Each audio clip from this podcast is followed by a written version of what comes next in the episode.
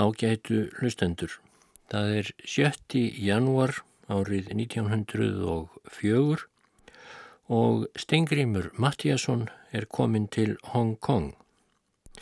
Hann er skipslæknir á danska skipinu prins Valdimar og um, eftir ferðina þá sagði hann löndum sínum heima á Íslandi frá ferðalæginu frá Danmörku og gegnum miðjarðarhaf yfir Einlandshaf. Hann sagði frá þessu í greinaflokki í blaðinu Gjallarhorni og ég hef verið að lesa úr þessum greinum hans í undanförnum tveimur þáttum.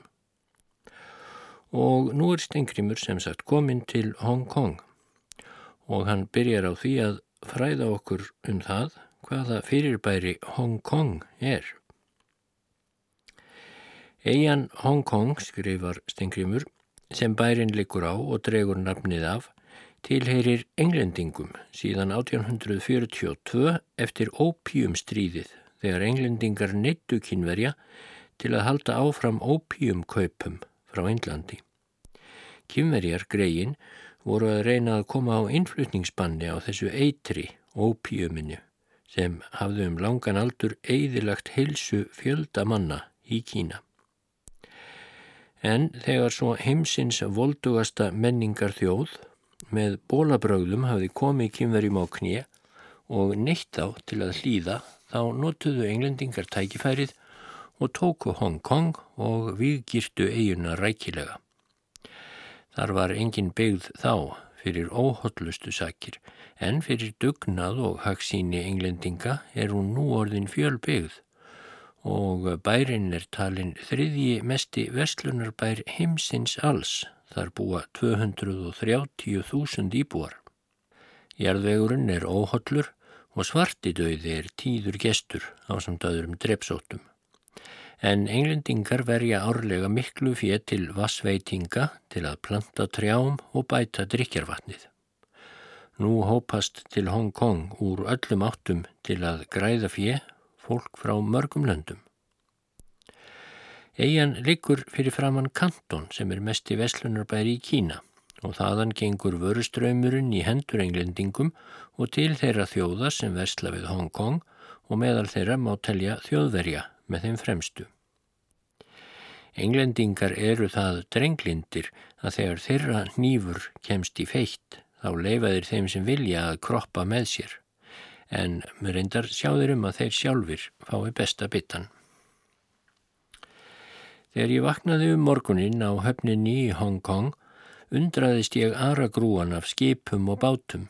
Við bryggjuna lág feikna stort postgufuskip Þýst sem gengur millir Evrópu og Asíu. Það var skrautlegt sem konungshöll með öllum þægindum sem vandfísnir ferðalangar heimta.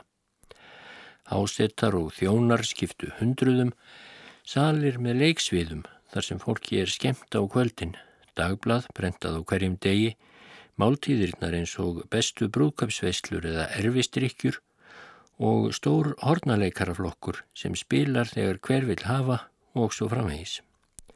Seglskip og gufuskip sitt með hverjum fána, lágu og fyltu eða tæmdu lestarúmin, utarla og hópur af enskum brindrekum og fallbissubátum til að hafa eftirlit með öllu. Ekkert af þessu vakti þó eins mikla eftirtekt mína og kínversku bátarnir sem allstaður úði og grúði af innan um skipin.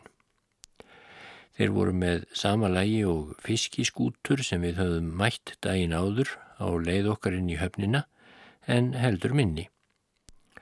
Framan á stafnin á öllum kínverskum bátum og skipum er máluð tvö augu. Það er til þess að þau sjáu hvar þau fara og reki sig síður á. Því kynvergin segir með sanni, sá sem hefur augu getur séð en sá sem ekki hefur augu getur ekki séð. Þetta vilðist einfalt mál. En hitt er skrítnara að á hverjum bát þarna á höfninni lifir heil fjölskylda og býr búi sínu þar, sefur þar á nætturna undir þiljum í miðjum bátnum en rær á daginn ímist til fiskveiða eða fluttninga á mönnum og vörum og vinnur þannig lífeyri sinn. Gaman er að aðtóa þennan bátabúskap. Konurnar virðast vera lífið og sálin í öllu. Þær standa við stýrið þegar báturinn siglir og rigga með ár og skipa fyrir þegar róið er. Allar eru þær í skálmvíðum brókum, pilslausar eins og aðrar kínverskar konur og flestar hafa póka á bakinu bundin fram yfir brjóstið. Lengi brítur maður heilanum hvað vera kunni í þessum póka en komi báturinn nær þá heyrist máski barskrátur eins og út á þekju. Konan leysir þá á sér pókan og dregur fram yngsta gróan innan einsárs og býður honum ímist brjóstið eða heldur honum út fyrir borstokkin eftir því sem ástendur. Svo stingur hún unganum í pókan aftur bindur hann á sig og riggar áfram eins og ekkert hafi í skorist. Barnið liggur í pókanum eða situr þannig að brjóst þessu andlit liggja að baki móðurinnar en fæturnir skrefa yfir mitti hennar og standa berir út úr pókahornunum. Þegar gott er veður stendur líka höfuðið á barninu upp úr. Ekki bera á öðru en börnunum líði vel í pókanum því þau sofa og eru róleg þótt móðurinn beigi sig og hreyfi á allar lundir meðan hún knálega handleikur stýrið eða áreina. Tveir eldri dringir, 8 til 9 ára, róa sinni árin í kvor en hinn börnin sem eru mismunandi mörg á hverjum bát hjálpa til með því að stinga á. Engin er yðjulös í bátnum nema hús eða réttar sagt bátsfadurinn. Hann liggur aftur í skut og sefur eða meldir matinn og hann er ekki ónaðaður nefn eitthvað mikið líki við. Meðan báturinn heldur kyrru fyrir leika börnin sér við borðstokkin á litla þilfarinu í miðjum bátnum og móðurinn skiptir sér lítið af þeim nema leitar þeim lúsa við og við. Það hvað aðeins koma örsjaldan fyrir að þau fari sér að voða og komi fyrir að eitt detti útbyrðis og drukni, þá er það auðvitað ári leiðinlegt í svipin en það er hægt að bæta úr því síðar meir. Kynverjar eru eins og allir vita gulir á hörund og jafn gulir um allt andlitið og engin róði í kynnum. Augun standa ofurlítið skásett en mismunandi, sömulegðis er mjög misjamt hver kinnbeinin eru framsett. Karlmenn raka skekkið fram að 60, þá fyrst þykir hlýða að leifa því að vaksa sem merki aldurs og lífsreynslu en fremur rakaðir hárið nema á kverlinum en sapna hárinu sem ættið er kolsvart þaðan í fléttu og nær fléttan hjá sérstökum lukkumönnum niður á hæla. Fléttan þykir mest að príði líkamanns og engin kynveri nær upp í nefið á sér af reyði ef togaðir í fléttuna hans. Á litlum drengjum er fléttan hrein tíkarspenni en móðurinn lengir hana með rauðri loðbandsfléttu Það lætur hún þó ógert ef strákarnir eru óþægir. Ungir kýmverjar sem vilja ganga í augu hvern fólksins lengja fléttuna með svörtum silkitvinna og hefur það orðið mörgum að liði. Á hafðinu hafa karlmenn barðastóran strítumindaðan stráhatt eða kollhúfu, vanalega eru þeir klættir svörtum treyjum og svörtum skálmavíðum brókum sem ofti eru úr silki. Á fótum hafa þeir sokka og tauskó með flókasólum eða ganga berfættir. Hvenn fólkið klæðist líkt og karlmenn en hefur enga fléttu í nakkanum. Heldur aðeins lítið hár bundið í hnút í nakkanum. Stundum er því erfitt að þekka kynin í sundur nema með nákvæmri rannsókn. Sumir heldri kýmverjar ganga í skósíðum silkikjólum og sést þá aðeins á fléttunni að þetta eru kallmenn. Gaman er að borðhaldi kýmverja ef borðhald skildi kallast. Svo virðist sem þeir hafa ekki ákveðina matmálstíma því bæði á bátunum og í landi sér maður alla þá sem ekki hafa annað að starfa sitja að snæðingi. Þeir flytja með sér pott og hlóðir og með þurrum spítum kveikjaður eld og sjóða matin í snatri hvar sem þeir eru stattir á bátum sem á gatnamótum. Öll fjölskyldan situr á hækjum sér kringum hlóðirinnar og krásirnar og borðar með góðri list. Maturinn virðist vera eins hjá öllum, hrísgrjón, soðin í vatni, kjött og fiskur og ymsir kryddsafar og ídýfur. Maturinn er borin fram í pjáturskálum eða spílkomum, en í stað þess að við brúkum skeið, nýf og gaffal láta þeir sér næja nýf og tvo trépprjóna Þeir halda þeim með hægri hendi milli þryggja fingra og beita eins og töng. Þeir ná eiginum að fáinum hrískrjónum í einu með brjónunum en gamlir vanir kynverjar beita þeim fljótar heldur en nokkur kona bandbrjónum. Þó sá ég söm að vera það hagsítni að þeir lögðu skálina að munni sér og íttu á eftir grjónunum upp í sig með báðum prjónunum samlögðum. Þannig borða allir erfiðismenn og fátækara fólkið í Kína. Ríka fólkið borðar auðvitað heima hjá sér með prjónum en á borðum þess kennir margara grasa og gómsætra rétta, aukina algengu og má nefna nokkra sem óþektir eru í Evrópu, svo sem hákarla uggarétt, fílafætur, næturgalatungur, fuggls ráka, engisbrettur og kattaraugu. Göturnar í Hongkong eru ímist breyðar með háum og sterkbyggðum húsum til begja handa þar eru heimkynni, verslanir og skrifstofur englendinga eða þær eru mjög mjóar, óþrifalegar og daunýtlar því þar búa engöngu kynverjar og alltaf dót sem þeim fylgir. Á göttunum er allt á eyði og háfaði tölverður. Kynverjar draga rikksjóa, vagna eða kerrur sem sagt með mönnum í, fram og aftur og eiga fullt í fangi með að komast áfram fyrir burðarstólunum sem flestir meiri hátar kynverjar og Evrópumenn reyndar líka láta bera sig í að ganga þykir ókurteysi. Tveir kynverjar bera stólin á milli sín á aukslunum annar fyrir en hinn á eftir, stólin eða kláfurinn sem maður situr í er fjór armaður, líkt og handbörur. Armannir eru langir úr bambusvið og svigna undir byrðinni, svo að sá sem borin er hossast upp og niður, engum ef burðarmennirnir grekka sporið. Allstaður eru enskir dátar og indverskir lögregluþjónar í gulum léttum enginnisfötum með kvítan vefjarhött. Englendingar hafa þá hér eistra vegna þess að þeir þóla betur loftslægið, þeir indversku. Kynversku göturnar eru mjóar en líta mjóri út en þær eru þó vegna þess að yfir öllum búðum og vinnustofum þá hanga svartir skildir, langir og ferhindir með kvítum bókstöfum sem eru líkastir gínklofum samsettum þórshömrum og gömlum íslenskum galdrateiknum. Eins langt og augað eigir er gatan full af þessum merkjum og skjöldum sem hanga yfir höfðumanna og byrja fyrir gangvegin.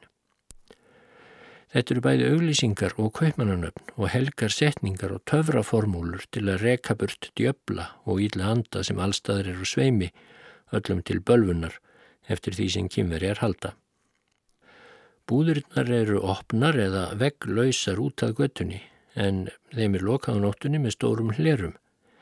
Í hverju búð eru margir vestlunarþjónar sem flækjast hver fyrir öðrum, afgreða fólkið og skrifaðin í höfuðbækurnar alls konar galdrastafi en öfugt við voru aðferð því í Kína byrja allar bækur þar sem vorar bækur enda og eru lesnar fram á við. Einst í búðinni, í myrkrinu því engir eru gluggarnir, en þar sem glukkarúður eru þá eru þær úr pappir sem er bleittur í ólju. Einst í búðinni situr kaupmaðurinn, gamal æruverður öldungur rukkóttur í andleiti með hökuskegg, hornsbangar, gleraugun niður á nefi og gráa fléttu við lampaljós. Lampinn er algengur borðlampi bara og hann reiknar saman auðrana sem innkoma og telur saman í höfuðbókunum. Hann brúkar kúlnagrind til að vera vissari í samlagningunni. Þetta sést í hverju búð og eru allir kaupmennir hver öðrum líkir, feitir af kirsetum, alvarlegir og þreytulegir á svipin og nýður soknir í að telja auðra sína. Nema ef einhver kemur inn og verslar svo að nokkur nemi. Þá rýs Karl úr sæti, dregur fram vörurnar og eftir langar umræður um verðið lætur hann þær að lokum helmingi ódýrara en ávar kveðið í fyrstu. Málið sem Evrópumenn tala við kynverja í Hongkong og sem þeir flestir skilja er barnarlega bjöguð enska sem kalluð er verslunar enska eða pitchin enska. Málið er auðlært og eigi ósveipaða byggingu og setningaskipun flandraramálinu sem fáskrúðsfyrðingar og frakkar tala sín á milli. Helstu orðin og setningarnar eru þessar pay, how much, too much, töluorðin og peninganöfn á ennsku, good og no can do. Kunni maður þetta gengur öll verslun eins og í sögu. En það er þó fyrst eftir að hafa lært orðið belong að menn verða fullnuma í pitchin ensku. Belong þýðir eiginlega tilheyrir en kynverjar hafa betið sig fast í það orð og brúkaða á öllum mögulegum og ómögulegum stöðum. Þess vegna er eiginum að tilhýðilegt að skjóta því inn í setningarnar við og við til dríinda. Ég vil til dæmis kaupa silkiklút sem kynverji hefur á bóðstólum. Þá segi ég belong how much? Hann segir 2 dólar. Ég no can do Þá segir hann belong good og ég segi too much pay one dollar. Hann no can do og svo framvegis en eftir að við höfum báðir endur tekið þessar setningar hvað eftir annaðum hríð þá er bitið úr nálinni með að ég eða kymurinn hafa fleiri orðum þar við að bæta og ég býst til að fara klútlaus þegar hann réttir að mér klútin og segir belong one dollar. En eitt er þó víst að kynvergin lætur fyrr háls skera sig en að láta hafa af sér í viðskiptum, svo það má örugt heita að ekki tapar hann á þessu. Ég gekk um matsölutorki þar sem kynverskir mangarar og hundruðum skipti sitja hver við sitt borð og hafa á bóðstólum allt sem ætt er af afurðum lands og sjávar.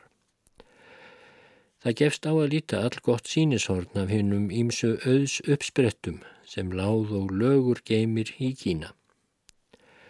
Alls konar kjöttegundir, fiskar mjög undarlegir útlits, krabbar, skjelfiskar og krossfiskar, þeir þykja bráðgóður matur en undirstöðu lítill, nú og stórir kuðungar og ymsar sjódýrategundir sem sjaldan sjást í Evrópu, þessu tann jarðávextir, kál og aldinni, sem vóg notuðu flestir reyslu úr bambuspriki með steini sem hekk í seglgarnsbotta í staðin fyrir lóð og í stað umbúðapappirs notuðu þeir kálblöð.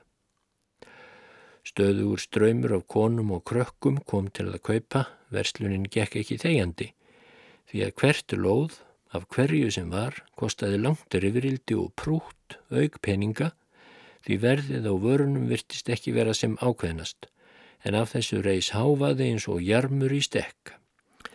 Ég reikaði lengi um götur bæjarins og var lengi starfsýnt á hinnar margvíslegu myndir götulífsins, en seinast var ég þreyttur í augunum og þreyttur í eirunum af að hlusta á þetta undra mál sem ég efast um að skollin sjálfur skilji, xing, xing, vei, hei, tó, fang, tú, sjang, lí og ég settist örmagna í vagnin sem ekkur upp á fjallið að baki Hongkong.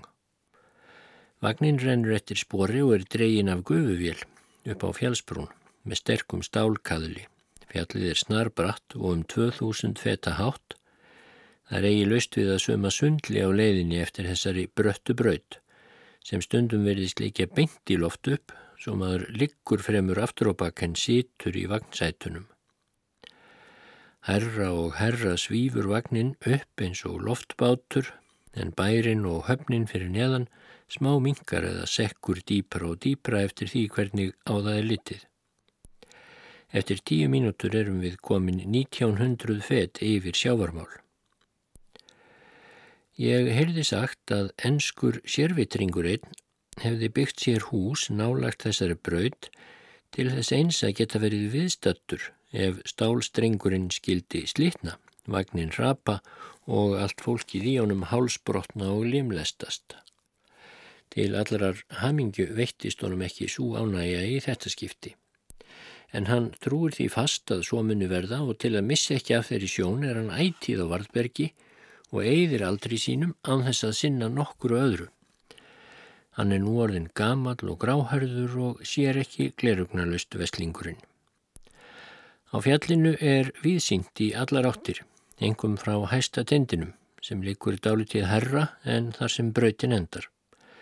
Þángaði láta allir bera sig í burðarstólum.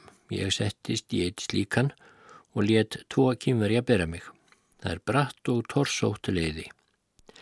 Danskur farþegi af prins Valdimar varð mér samferða í öðrum burðarstólnum. Hann var feitur og stór og þingri en þingsti maður í nollendingafjörðungi. Upphófust í kýmverjarnir þegar þeir áttu eftir nokkra faðma upp á njúk, settu hann niður eins og hlass og lögðust fyrir lavmóðir og sveittir svo hann varð að ganga það sem eftir var. Það kostar 50 öyra að uppgefa þannig undir sér tvo kýmverja, 25 öyra fyrir kvöld. Af tindunum sést langt að langt inn í land yfir fjöll og dali í hinnu feikna stóra landflæmi sem kallast Kína, en sem í raun og veru eru mörg lönd með ólíkum þjóðum sem ekki skilja korar aðra.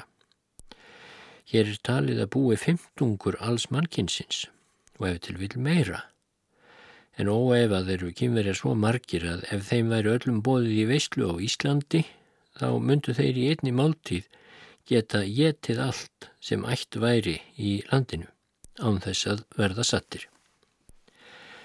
En aldrei hef ég orðið sattari en eftir hátegisverð sem ég borðaði í Hong Kong 26 réttir matar og aukveðs alls konar selgæti sem veitist aukreitis eftir óskum og þetta kostaði um tvær krónur.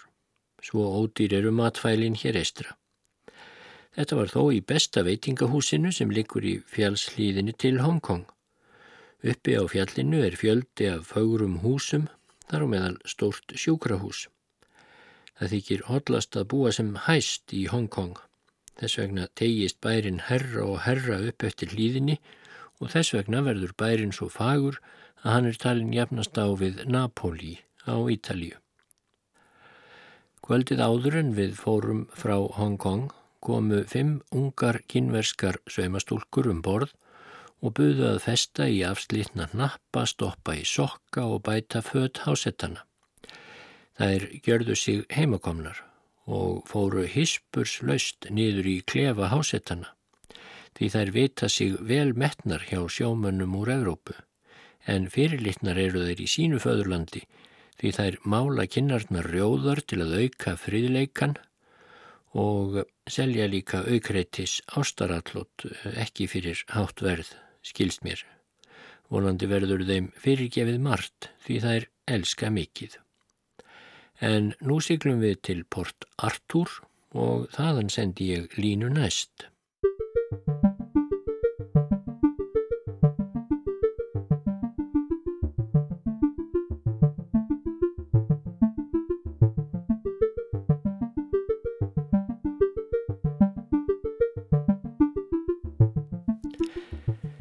Næsta grein frá Stengrimi Mattíasinni er svo dagsett í Port Arthur 28. janúar 1904. Port Arthur heitir núna Lucian Kút og er við ströndina mjög norðarlega í Kína, ekki allferri höfuborginni Beijing sem nú heitir. En Port Arthur var um það leiti sem eh, Stengrimur var á ferðarna undir stjórn Russa og hann segir frá því hér á eftir hvernig það vildi til. En grein hans í Gjallarhortni um vistina í Port Artur, hún byrjar svo. Það ásvo að heita að við séum í Kína þegar við erum komin til Port Artur en í raun réttri erum við í rúsaveldi. Allt er með rúsnesku sniði, hús og menn, en þó nósi af kynverjum gætir þeirra lítið innan um þann sæg af hermönum sem eru hingað saman komnir. Kuldin er napur, 10 til 15 stiga frost daglega með snjókomu við og við. Ég er kvefaður og hlakka til að komast úr kuldanum og sigla til sólanda fegri. Undarlegt er að Port Artur skuli ekki líka norðar en Napoli á Ítalíu, en Asíuhálendið og Sýberi eru kaldir nágrannar svo hér verður veturinn lítið hlýrri heldur en heima á fróni. Englendingar segja í spauði að kuldin fylgir rússum hvar sem þeir fara og ef þeir kemist til Singapúr þá myndi þar líka verða grátt af hélu. Rússar hafa lengi reyndað fikra sig lengra og lengra söður. Sýberja var þeim of köld, skipin frusu inni á höfnunum á veturna. Þess vegna þurftu þeir á heitari löndum að halda. Víkingar eins og rússar voru uppaflega, þeir fara eigað lögum og þeir egnuðu sér smám saman meira og meira af löndum kynverja, svo nú má heita að þeir ráðir lögum og lofum í Mansjúríu sem er nýrsta hér að Kína. Allt þetta hafa rússar með rángsleitni svælt undir sig. Reyndar hafa þeir hátilega skuldbundið sig til að sleppa tilkalli til Mansjúriulands og draga burt hersveitir sínar þaðan en það lofórð muna aldrei emt. Það er aðeins Port Artur með dálitlum landskika sem þeir eiga með leifi kynverja og er nú saga að segja frá því. Árið 1897 drápu kynverjar tvo þíska trúbóða út af því reys ónæja á Þískalandi og herskip voru sendt til að sína steittan nefa og ógna kynverjum. Þjóðverjar heimtuðu skadabætur, landskíka kringum Ká-Tjá. Kynverjar letu undan en þá komu rússar, frakkar og englendingar og heimtuðu líka land alveg eins og börn þegar eitt hefur fengið síkurmóla. Kínverska stjórnin þorði ekki annað en fara eftir óskum evrópsku stórbokkana. Þá fengur rússar Port Artur, englendingar fengur Vei Hæ Vei og frakkar landskíka í söður Kína. Út af öllu þessu reys aftur ónægja í Kína og þar með uppreysnin sem kendir við boksara og var ekki einungis á móti Evrópamönnum heldur líka á móti stjórnin í Peking og eh, geisaði árin 1900 til 1901 en allt þetta er í fersku minni af bladafréttum og sleppi ég því að fara lengra út í þá sálma. En hvað sem því líður, russar læðast söður eftir og austur á bógin og reyna æfinlega að bóla öðrum þrá. Kórea er eiginlega sjálfstætt ríki en hefur staðundir vernd í Japana síðan þeir unnu stríð við Kimverja 1897. Kóreuland er gott með góðum höfnum og mjög ginnandi fyrir rússa, en Japanir vilja fyrir engan mun leifa rússum að setja stað á Kóreu og vilja heldur missa vænandrei til blóðs en að rússar fái einum þræði eða skóðfeng meira en þeir hafa fengið þar um slóðir. Við höfum nú dvalið í Port Artur í tíu daga og hverjum degi hefur verið búist við að ófriður byrji milli rússa og Japana. Báðir partar eru vígbúnir. Bærin liggur við botnin á vík sem er umgirt með lágum fjöllum. Innsiklingin er svo þraung að aðeins tvö skip geta mæst. Höfnin er því eins og sköpuð til að vera herskipakví en það notuðu kynverjar hana fyrir flotta sinn áður en rússar komu. Hér liggur nú mest allur Asíu floti rússa, tíu stórvaksnir brindrekkar, eins vel útbúnir og undir að fá. Þess utan eru 50 stærri og minni herskip. Floti Japana er vist líkur að skipafjölda. Nú eru reist virki með ótal fallbissum á hæðunum í kringum bæin og má hann því heita óvinnandi, nema ef vera skildi fyrir árás voldugs landhers. Rússar eiga aðra höfn sem Dalní heitir nokkru sunnar, þangað komum við snakvast á leið okkar hingað til Port Artur Það er einnig góð höfn og ígirt. Til þess að gera hana enn betri hafa rússar hlaðið mikla breymgarða fram í sjó. En öllum þeim miljónum sem til þess hafa gengið hafa þeir reyndar á glæ kastað. Því núna getur ægir ekki hrist af sér klakan og skip frjósa því inni á veturna. Port Artur er bæra á stærð við Reykjavík en sem stendur er hér svo mikið af rúsneskum hermönum að íbúafjöldin skiptir mörgum tugum þúsunda. Bærin er ljótur, strjálbegður með lágum húsum. Göturnar eru óþriflegar fullar af ríki og rossataði. Hvergi eru tré og allt landið umhverfis er sem eigðimörk. Að svo hrjóstrugt bæjarstæði hefur verið valið er engangu höfninni að þakka. Bærin hefur fyrst náð nokkur um vexti eftir að Sýberjöbrautin komst hingað. Nú má ferðast hérðan á hverjum degi og ná til Pétursborgar eftir aðeins hálfan mánuð yfir alla Sýberju og er það eigi lítil umskipti frá því sem áður var. Á öllum gutum bæjarins, hvart sem farið er, verður vart þverfótað fyrir rúsneskum hermönum með bissur og sverð. Stundum eru stórar liðsveitir á gangi og nema staðar fyrir utan bæin til herræfinga. Stundum ganga hermannahóparnir lausbeislaður um bæin og drekka brennivín í jafn stórum tegum og danir drekka öll. Það gerir kvöldin. Brennivínið heitir vodka og þykir betra en bænagjörð. Víða eru riskingar og slagsmál millir dátana. Morð eru þó sjaldgef vegna þess að lögreglan er dágóð En þegar lengra kemur upp í landi þá verða menn að vara sig. Það er fullt af þorpurum og glæpamunum, kínverskum sem og rúsneskum sem sloppið hafa úr fangelsum. Fyrir mánuði voru 72 menn myrtir til fjár á einni viku í kínversku þorpi ekki langt hérðan og hafa sökudólkarnir ekki náðust. Hér ganga því allir vopnaðir á kvöldin. Innan um rússa ber fremur lítið á kynverjunum. Þar helst við höfnina að þeir hafast við á bátum til flutninga og fiskveiða. Bátarnir eru öðruvísi lagaðir en þeir sem ég sá í Hong Kong. Þeir eru minni og í læginu líkari ferjum heima á fróni. Karlmaður riggar með ár. Aðrir hásettar eru ekki á bátnum og hvennfólk sést þar aldrei. Kynverjarnir hér norður frá eru stórvaksnari og ófríðari en þeir sem sunnarbúa í Hong Kong og þarum slóðir. Mál þeirra er líka mjög frábröðið.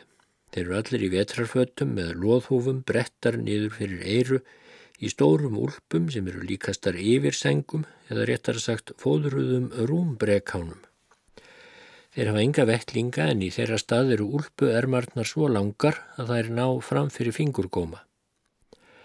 Þeir sem er ykka bátunum hafa þó einn belgvettling sem er bundin fastur við árar hlunnan og stinga þeir þar inn hendinni sem þeir rygga með þegar kaltir, sem oftast er. Brókarskálmarnar bindaðir utanum öklana líkt og beitar húsamenn heima. Ég hef aðeins séð örfátt kvennfólk hér um slóðir og kemur það af því að þær hafast við heima í kofum sínum í kuldanum. Fátæklingarnir búa í lágum tjöldum úr pokum og strygaklútum sem þeir reysa í skjóli við önnur hús eða í grófum og giljum. Ingangurinn er svo lágur að enginn kemst inn nema með því að skrýða á maganum og að innan er tjaldið svo lágt að allir verða að liggja eða sitja. Í þessum litlu loftýtlu tjöldum eða reysum lifa heilar fjölskyldur í framúrskarandi sóðaskap við grútartýrur eða steinolíuljós. Sápa þekkist ekki nýð þvottur. Hér er ekkið um í rúsneskum fjórhjóluðum vögnum með tveimur hestum fyrir Vagnstjórarnir eru búralegir, feitir og blárauður í andliti af brennivíni. Vagnin þýtur flug hratt, jæmt upp á móti sem niður brekku, svipan er stöðugt á lofti og smellur hátt á lendum hestana. En vagninum stýra þeir vel og rekast aldrei á þótt tróðningur sé á göttunni. Ég hef kynst hér mörgu fólki, bæði rúsum, þjóðverjum, englendingum og dönum og hef ég oft verið í heimbóðum.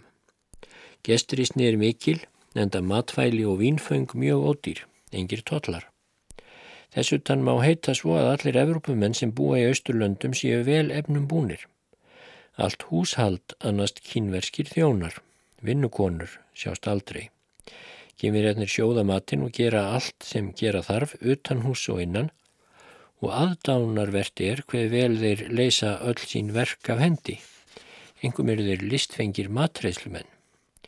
Meðal kynversku þjónana kennir mikils flokkaríks, þeir sem sjóða matinn, bera á borð og hafa á hendi alla þriflegri innanhúsvinni eru kallaðir boys eða drengir og standað mannvirðingu langt ofan við hýna sem gera útíverkin, bera en vatn, gæta hestúsins og þess áttar. Þeir eru kallaðir kúli, þeir eru töturlega búnir og geta stöðu sinnar vegna engin mög haft við the boys. Þeir sofa og matast útaf fyrir sig og svo framhegs. Allir þjónarnir fæða sig sjálfur og borða upp á kynversku.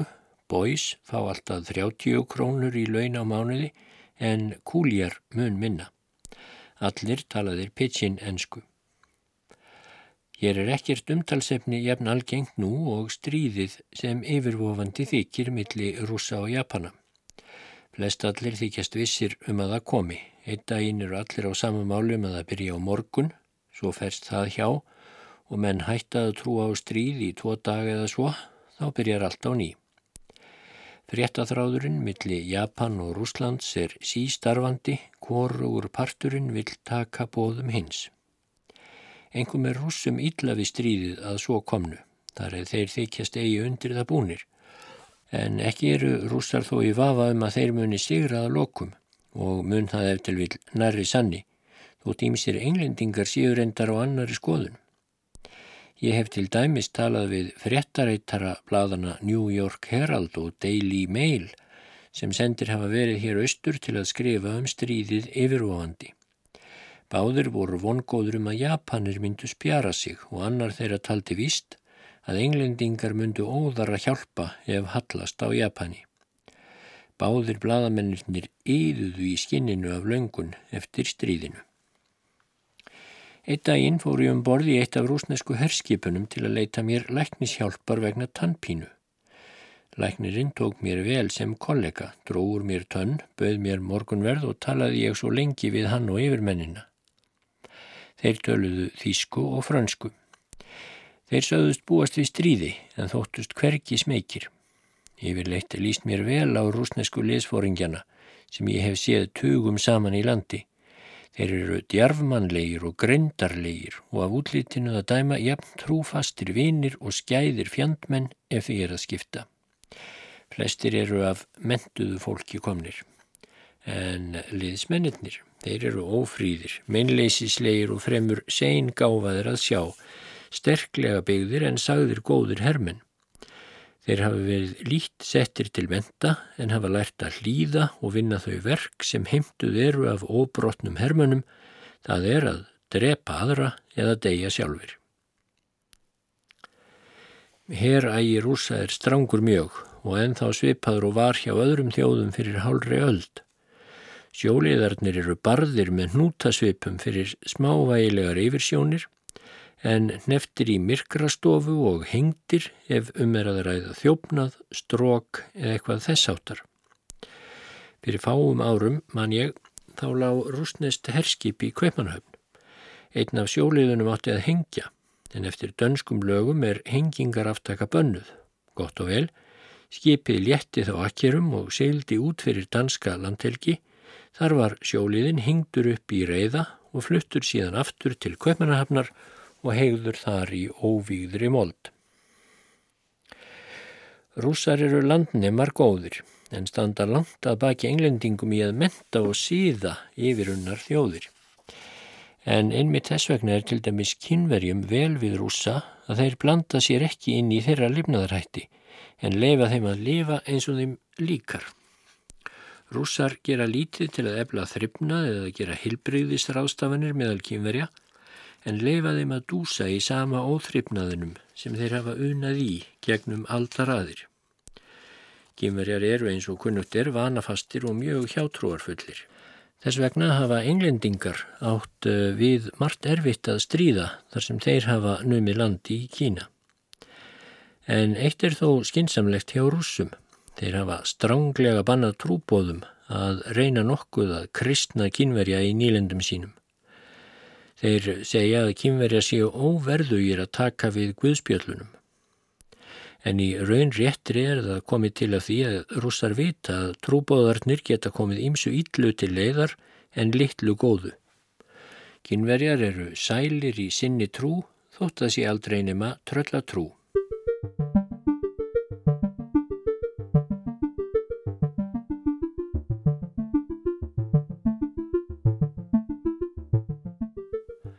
trú. fór eins og Stengrimur Mattíasson spáði.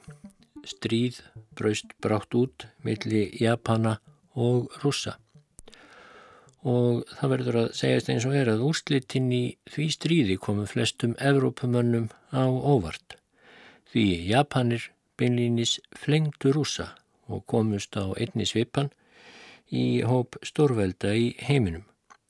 En það er önnur saga Stengrimur er enn á ferð á prins Valdimar og leggur nú upp frá Port Arthur og hann skrifar lesendum heima á Íslandi þann 7. februar 1904 Gott var að komast úr kuldanum í Port Arthur því þar urðum við kvefaðir, fyrst í nefinu, svo í barkanum og seinast brakað í eirunum.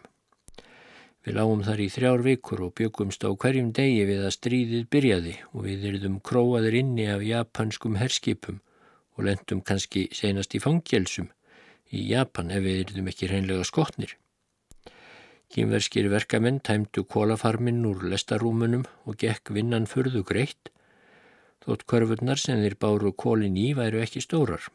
Kaup þeirra fer eftir því hver margar körfur hver þeirra ber. Til þess að hafa eftirlit með því stendur kínverskur verkstjóri með fangið fullt af spítum og réttir spítu að hverjum sem ber fulla körfu framhjá. Sá geymir sínar spítur og sínir verkstjóranum um kvöldi þegar kaupið er goldið. Þetta vilist gott ráð. Það minnir mig á sögu sem magister Guðmundur Fimboðsson sagði mér af smaladrenga á fjöllunum. Drengurinn kunn ekki að telja. Bondin fekk honum belgvettling með lambaspörðum, jafn mörgum og ærnar voru. Þegar svo strákur raka ærnar í kvíjar, þá kastaði hann sparði á hverja kind. Ef eitthvað vantaði, gengu spörðin ekki upp og þá mátt hann fara upp á fjall til að leita betur. En eftir þryggja sólarhingaferð frá Port Arthur komum við til smábæina Moi og Shimonoseki í Japan. Þeir liggja sitt hvoru megin við mjóa sundið millir eigana Hondu og Kyushu. Snemma morguns fjórðadaginn sást landið með háum fjöllum er fríkuðu eftir því sem nær dró. Þau voru skói vaksin upp á efstu tinda, hverki var snjóra á hnjúkunum en þessi stað hópur af háum trjám sem líta út eins og mannsöfnuður sem horðu út yfir hafið. Millir skóana grösugar hlýðar en undirlendi lítið, allstaðar með ströndum fram fullt af bátum, seglskipum og gufiskipum, blíðviðri, sólskinn og heðríkja. Niður við ströndina, hús við hús, lítil og lág með stórum þökum. Þegar við komum inn á höfnina komu tveir læknar í einkennisbúningi um borð. Þeir söfnuðu skipshöfninni fram á þilfar og undir læknirinn þreyfaði snöggvast á slagaðið allra um leið og hann gekk fram hjá en af kurteysi slefti hann mér og yfirmönnum prins Valdemars. Síðan komu tollþjónar og hafnar embættismenn. Allir þessir embættismenn töluðu nokkurnu einu ensku. Þeir voru fram úr hófi kurteysir og hálf himnir og þótti auðsjámanlega vendum að vera skoðaðir sem höfðingjar. Barnalegir voru þeir í viðmóti, en það svo smávaksnir eins og 16 ára ánglingar. Þeim þótti heiður að vera bóðið að borða í borðsal skipsins. Þeir borðuðu með mestu gætni í Japaninnir því margir réttinnir voru þeim ókunnir og nýfin og gaffalinn handléku þeir með varúð því heima borðaðu þeir með prjónum líkt og kynverjar. Kaftinninn bauði um öl og brennivín og þáðu þeir það en þó ekki vegna þess að þeim þættu drikkirnir góðir. Þeir grettu sig af brennivíninu, lefðu helmingnum af ölinu og örðu hálf kendir þó. Yfir höfuð myndu þeir í fasi sínu á, á brotna sveitamenn sem alist hafa upp í afskektri sveit án dekurs og viðhafnar og eru nú komnir á danska skó með flippa og kraga og eru að reyna að semja sig að síðum köpstaðarbúa. Þetta er eigi undarlegt. Þegar aðgætt er hver stuttur tími er síðan Japanir byrjuðu að breyta og umskapa sín afgömlu landslög og þjóðvenjur. Fyrir aðeins rúmum 40 árum þá var Japan lokað fyrir öðrum þjóðum að undan tekinni einni höfn en þangað máttu útlend skip koma með varning. Öllum utanaðkomandi áhrifum var að öðru leiti haldið stránglega frá Japanströndum. En á þessum eina mannsaldri hafa öll þau stakkaskipti átt sér stað sem hafa gert Japan að stórveldi og komið þjóðinni á sveipað menningarstig og fremstu Evrópuþjóðir. Skólar eru nú um land allt. Háskóli í höfðustadnum, sem er Tókjó, þar sem býr ein og half miljón manna, Landher og flotti eru með eins góðum útbúnaði og undir að fá, sími og hjártbröytir eru um allt land, sjúkrahús, gufuskip, verksmiðir og yðnaður, post og tollfyrirkomulag líkt og í Norðurálfuríkjum og svo framvegis. Allt þetta er komið síðan 1869 sem sé aðeins á réttrúmum 30 árum og mest að þakka Mutsuítu keisara sem enn situr að ríkjum. Hann létt kjósa nefnd vitrustu manna til að íhuga hvernig bestum endurbótum er þið komið á flottan, herin, skólana, barnafræðsluna, trúarbröðin og fleira. Eftir mikla gaggríni varð niðurstaðan að floti englendinga væri bestur flota og skildi því vera fyrirmynd fyrir Japan. Að herrútbúnaður frakka og þjóðverja væri hinn æskilegasti til eftirbreytni fyrir landherrin, að skólar og barnauppfræðisla væru í bestu lægi hjá bandaríkjamönnum í Ameríku og væri því óskandi sveipað fyrirkomulag í Japan. En hvað snerti trúarbröðin? Þá saðist nefndin engin þau trúarbröð hafa fundið sem væru hótinu betri en kenningar Búta og Konfúsíusar og væri því best að láta sitja við þau gömlu. Stjórnin fórað ráðum nefndarinnar og örstuttum tíma tókst henni með framúrskarandi dugnaði og hjálp góðra manna sem fengnir voru frá Evrópu og Ameríku að koma ótrúlegum umbótum á. Því miður dvaldi ég aðeins sólaringi í Japan. Á svo stuttum tíma fær maður lítið annað séð en alls konar varning sem öttulir japanskir kaupmenn og mangarar rúa upp hvar sem farið er og óta fram til kaups. Það er svo margt nýstarlegt og ginnandi á bóðstólum með ódýru verði að pingjan tæmist fyrir en varir. Japanir eru enda listfengir smiðir og óvíða sjást því líka listaverk með höndum gerð og í Japan. Flestir kaupmenn geta fleitt sér í ensku og verslunin gengur mörg greitt því verðið er aldrei eins ósangjant og annars týðkast hér eistra. Ég ókum göturnar í Simon Sjeki í Riksjókerru sem ungur svartarður berhauðaður Japani á tréskom dró og eftir sér í sveita síns andlitis. Mart er undarlegt í náttúruna ríki. Eitt fyrir sig þetta, meðan ég ekk gladvakandi í gladasólskinni um miðjan dag veistur í Japan, þá sefur fólk og hrítur heima á fróni því að það er nótt. Vegna þess að Japan likur miklu austar á nettinum en Ísland og jörðin snýst frá vestri til austurs, kemur sólinn tíu stundum fyrr upp í Japanin heima á fróni. Þegar því nóttir liðin og ljómar dagur og ég fer á fætur um klukkan sjö, þá er nóttin fyrst að byrja heima og kveldúlfur að koma í fólkið.